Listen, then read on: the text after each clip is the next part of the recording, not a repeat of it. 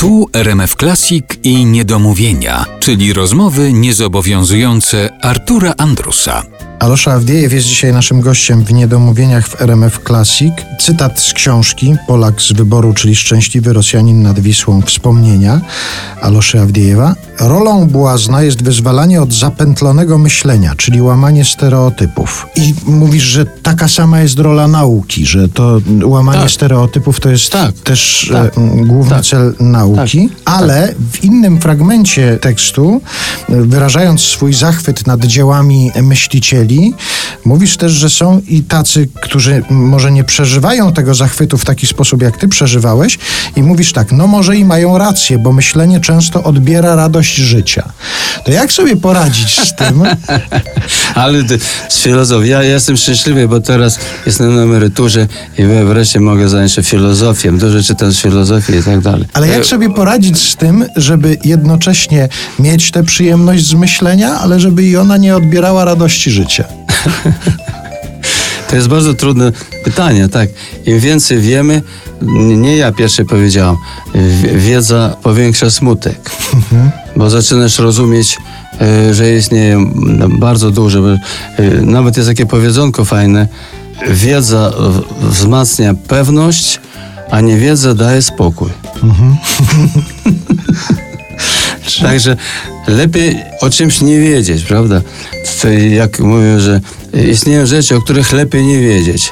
I zazwyczaj to ortografia i matematyka.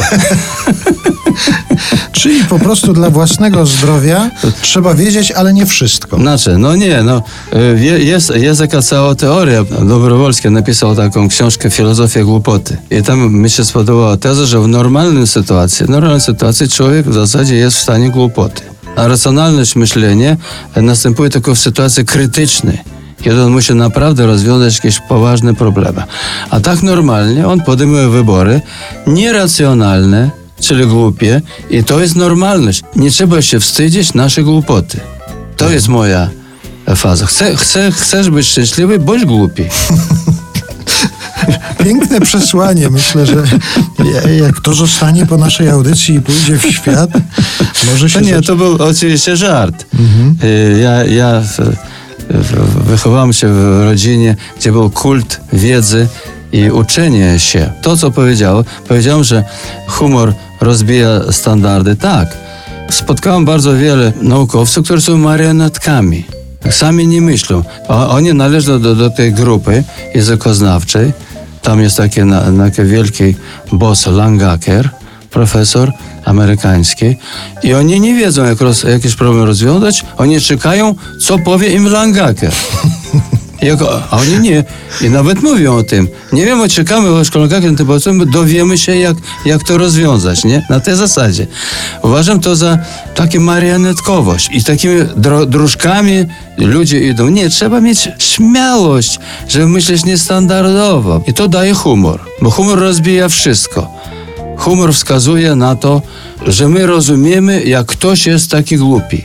Głupota jest na szczęście stopniowalna.